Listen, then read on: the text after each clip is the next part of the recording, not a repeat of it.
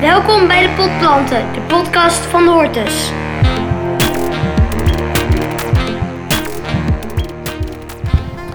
Welkom bij een nieuwe aflevering van Potplanten in de Hortus Amsterdam.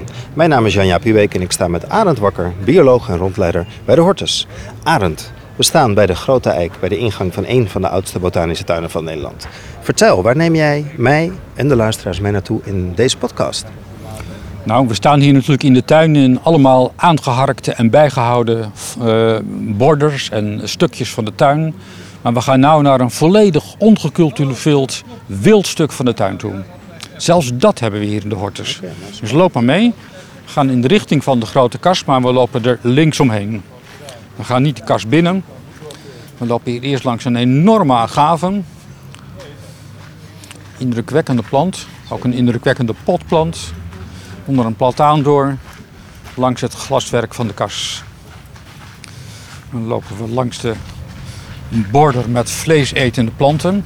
Ja, daar moeten we ook een keer Daar een gaan we gesprek nou ook eens een keer naartoe. Daar gaan we ook een keer. En dan laat ik je de jachtbuit van de afgelopen zomer zien. Van al die bekerplanten.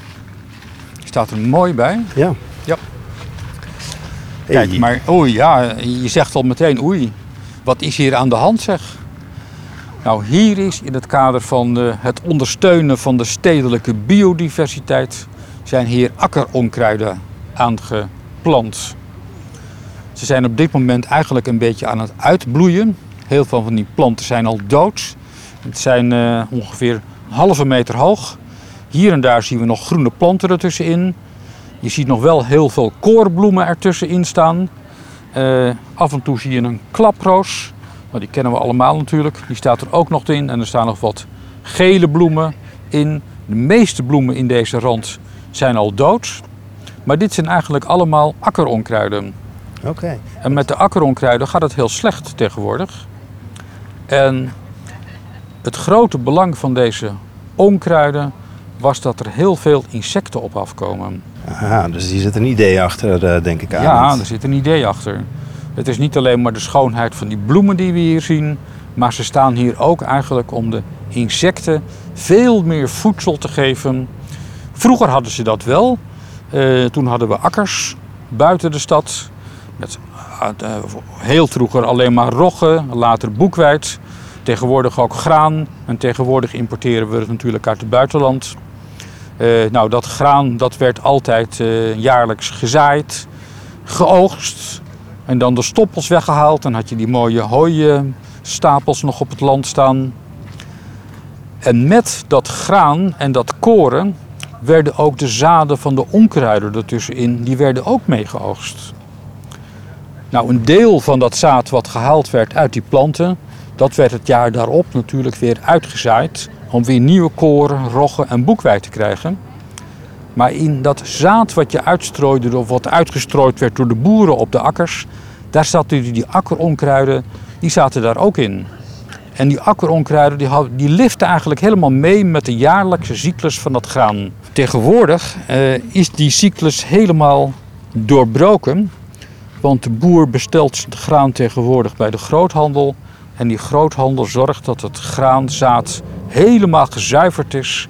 En dat er geen enkel onkruid meer tussen zit. En wat je dan uitzaait is puur graan, puur rogge of puur boekweit. En er zitten helemaal geen korenbloemen en klaprozen en allerlei andere planten tussen. Maar die planten zaten er vroeger dus wel tussen. En daarvan kennen we eigenlijk nog de oude schoolplaten met eh, laantjes door het boerenland met een hele rand van korenbloemen langs het pad. Tegenwoordig heb je dat niet meer. Nou, die akkeronkruiden die waren een enorme bron voor insecten. Ze produceren nectar, stuifmeel. Eh, in al die uitgedroogde bloemetjes, daar gaan die insecten ook weer in wonen soms. Dus ook voor de overleving zijn deze bela- belangrijk. Nu komt er een helikopter in de verte aan. Dus als we hier zo langs deze oude akkerrand lopen, dan zie je niet alleen maar, nou er staan nou eigenlijk geen echte koren. Er zou eigenlijk ook wat graan en rogge tussen moeten staan. Dat ga ik voor volgend jaar eens vragen. Maar het zit Maar, helemaal maar het ziet er heel met, leuk eh, uit en het is, zit vol met insecten. Ja. Er zitten allemaal hommels en bijen en zweefvliegen in. En wat we niet zien, maar die zitten er ook, er zitten heel veel sluipwespen in om weer te jagen op die insecten die hierop afkomen. En er zitten weer andere in spinnen die weer jagen op de sluipwespen en op de bijen. Dus het is een hele samenleving die hier in deze bloemenrand schuilt. Nou, dit is hier nu uitgezet op deze plek in samenwerking met de gemeente. Om te kijken of we de insectenrijkdom van de stad een klein beetje een boost kunnen geven. Een oppepper, zodat er weer wat meer insecten in de stad kunnen zijn. Qua insecten kunnen we in de stad sowieso eigenlijk al een klein beetje redelijk tevreden zijn. Want in de stad hebben we een grote afwisseling van milieus. Ja? Van omstandigheden, zodat je in de stad vaak merkwaardig genoeg meer wilde bijen hebt en andere insecten dan buiten de stad. Daar is het allemaal weggespoten en in de stad wordt minder vergif gebruikt. Dus we hebben in de stad sowieso al een rijkere insectenstand, merkwaardig genoeg tegenwoordig, doordat de insectenstand op het platteland vaak helemaal is ingestort. Nou, wat natuurlijk het, leukste bloemetje hier is, dat is het korenbloemetje. Dat zijn die mooie blauwe bloemen. Ik zal er even eentje uitplukken. Als je heel goed gaat kijken, dan zie je dat hier eigenlijk allemaal blauwe of azuurblauwe trompetters naar links en rechts opstaan. Ja, ik zie het. Eigenlijk een soort luidsprekers lijkt het wel. Nou, dat zijn schijnbloemetjes die alleen maar bedoeld zijn om de insecten aan te trekken. Mm, die roepen. Daarin zie je kleine, een beetje donkerpaarse kokertjes krom omhoog staan. En daar zit stuifmeel in. En dat stuifmeel is natuurlijk, er zit ook nog een centrale stamper in. Dat stuifmeel is nodig om de bloem te bestuiven.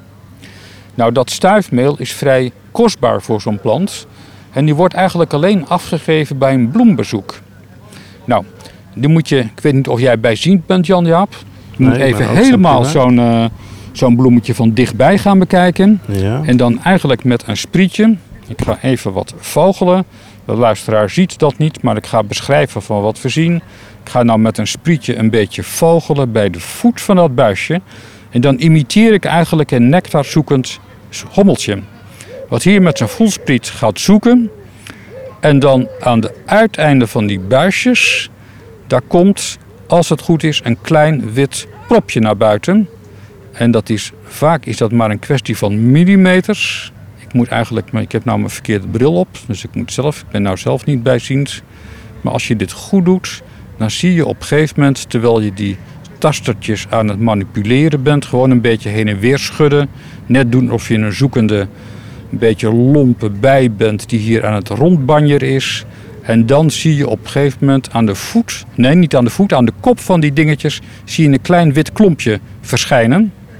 Ik zie het nou niet, maar ik heb ook een Nee. keer de bril op. Nou, ik heb prima ogen Ja? vandaag. Je hebt prima ogen. Jij Ja. ziet het ook niet. Nee, nou, ik zie het ook niet aan. misschien is dit helemaal het verkeerde bloemetje. Maar als je dit maar doet, dan zul je af en toe zul je een bloem zien dat terwijl je dit aan het bewegen bent, dan komt daar een klein klompje stuifmeel naar buiten. En dat gebeurt door wrijving in dat buisje. Die gaat dus alleen maar zijn stuifmeel afgeven als er een bij rondloopt. Het is dus eigenlijk een soort kauwgomballenautomaat waar je de hendel moet overtrekken. Nou, dat doet elk insect, eh, want hij, dat moet hij wel, want dat kan hij niet anders. En terwijl hij daar rondloopt, wordt om hem heen, komt er een klein beetje stuifmeel. Een klein beetje stuifmeel maar. En dat is voldoende om de hommel of de bij te bestuiven. En dan gaat hij natuurlijk naar de volgende korenbloem en die wordt dan ook weer bestoven. En dit is dus een prachtig eh, afgif, eigenlijk een mechanisme om je stuifmeel heel efficiënt en in afgepaste porties af te geven aan de insecten. Ja, een slimme dacht joh, Ja. die plant. En het is heel leuk, maar je moet dus wel een goede, je moet goede ogen hebben of een goede bril opzetten. Ofwel natuurlijk, je kan het ook onder een loepje doen. Eh, eigenlijk elke plantenliefhebber die moet een loepje bij zich hebben, maar nou, we zijn hier even gehandicapt zonder loepje.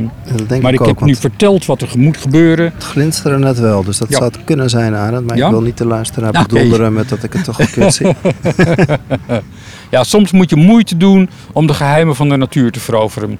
Hè, zo hoort het natuurlijk ook. Ja. En dan blijkt deze eenvoudige korenbloem niet alleen maar een prachtige, bijna een science fiction vorm te hebben, maar ook een heel leuk mechanisme om in hele afgepaste porties stuifmeel af te geven of ja, door te geven aan insecten. Een mooie vergelijking met de kauwgomballenmachine. Want Ja. daar lijkt het inderdaad Ja, dan op. Dan geeft hij zo zijn stukje. Ja. Het is eigenlijk dus gewoon één groot insectenhotel waar wij nu in staan. De Hortus heeft een, een insectenhotel gemaakt. Ja, nou ja. El- Elke tuin, de hele natuur is één groot insectenhotel. Eigenlijk is de hele natuur niet... Het is eerst een plantenhotel en een bacteriehotel en een virushotel. Ja, en wij mogen er gelukkig ook nog rondlopen. Nou, ik zie nog En een bezoeker eh, hier in het midden liggen. En dat is een kat, Arend. En die is me wel eens vaker voor De hortuskat. De hortuskat. de Zonder, hortuskat? hij ligt daar in het midden van... eh, hier, je staat er recht voor. En dat, is de, een, dat is de hortuskat. Dat de is de-. Die, is een keer aankomen lopen vanaf... De, wij geven hem dus geen eten. Hij hoort ergens bij de buren. Hij is een keertje komen aanlopen. En aanvankelijk werd hij natuurlijk steeds verjaagd. Want af en toe gaat hij wel eens op planten zitten. Hij heeft niet helemaal in de gaten wat een botanische tuin eigenlijk is. Proberen we hem wel uit te leggen, maar hij was hardnekkig. Dus hij werd steeds weggestuurd. Maar hij bleef maar terugkomen. Uiteindelijk hebben we hem maar gewoon geaccepteerd.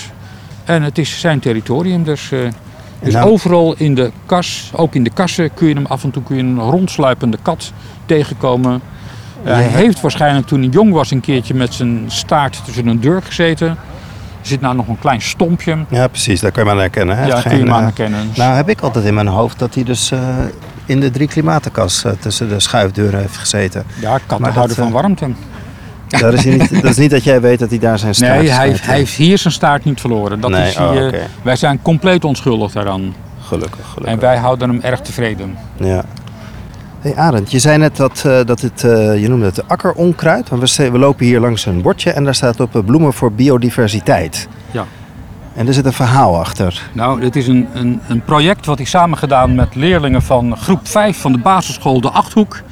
Die zijn hier in april van dit jaar, in het voorjaar, hebben ze dit ingezaaid. En zo hebben we, krijgen die kinderen dus het idee mee dat die planten nooit helemaal vanzelf te komen.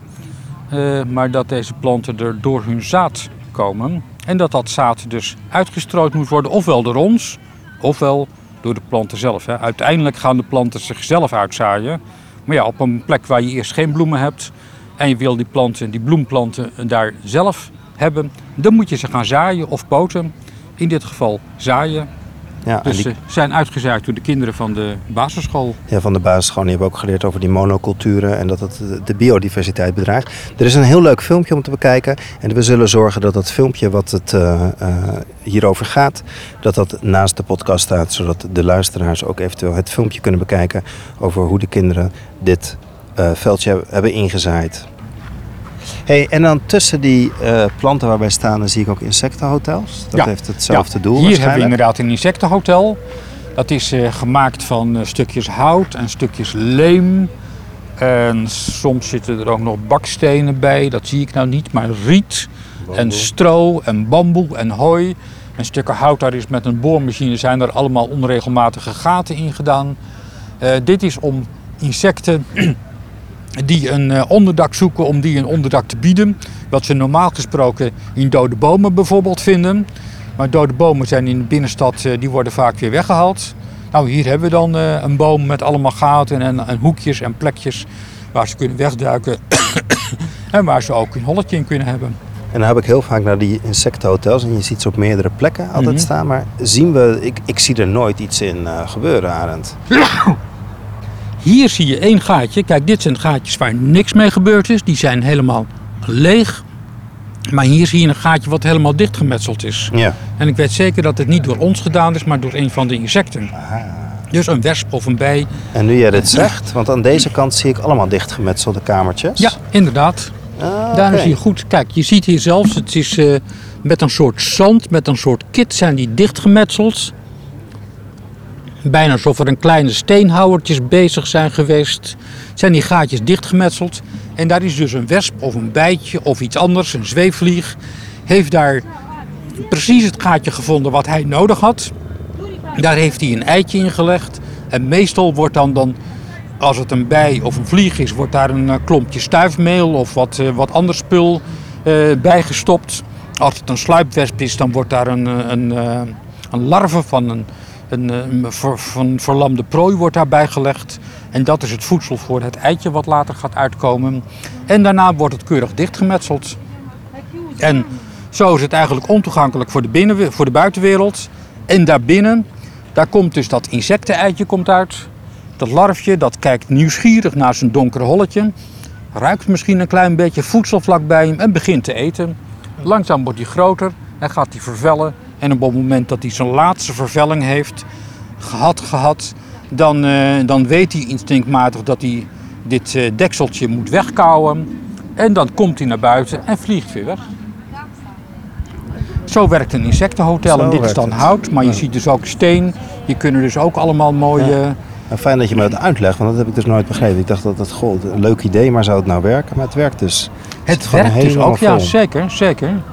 Neemt Nou hebben we hier nog een ander insectenattribuut op dit moment staan. Ja. En dat is die machine die daar in de Ja, verte laten we staat. even naartoe lopen. Er Dat staat is een, bijna een soort oude vliegmachine lijkt het. Een paar gekleurde vlakken. Een groot geel vel staat daar evenwijdig aan de kas. En er staat nog een ander groen bord staat daarboven. En daaronder een groen kastje. En dat groene kastje is gericht op dat grote kleurvlak. En daar zit een camera in. En dit is een cameraval. Die kleur, dat een beetje okergeel, eh, een beetje licht okergeel. Dat is een kleur die heel is, erg aantrekkelijk is voor insecten. Insecten die daarop komen zitten, die worden door die camera gefotografeerd. Ah, Die kijk. camera maakt aan de lopende band, elke 10 seconden maakt hij een foto. Eh, en die worden later ook automatisch eh, geïnspecteerd op insecten die erop zitten. En dan in het laboratorium, hè, als die films later ontwikkeld worden, dan wordt daar dus ook die automatische herkenningssoftware op losgelaten. En dan kan bijna handmatig kan die machine gaan tellen hoeveel zweefvliegen, hoeveel vlinders en hoeveel hommels eh, er lang zijn gekomen.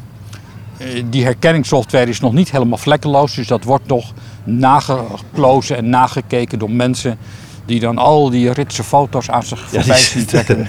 klik, klik, klik, Ja, klik, klik. ja. Je zegt, je, je gebruikt het woord ontwikkelen, maar dat is denk Nee, ik eh, En gewoon dat- de digitale ik- versie ik die ben, bekeken Ik wordt. ben een beetje ouderwets daarin. Ja, Er wordt niks meer ontwikkeld. Eh, Misschien gaat het zelfs integraal via de kabel naar het laboratorium, dat weet ik niet. het zou kunnen, maar dat Maar eh, waarschijnlijk dit is wordt een, wel... een onderdeel van een project in Noord-Holland.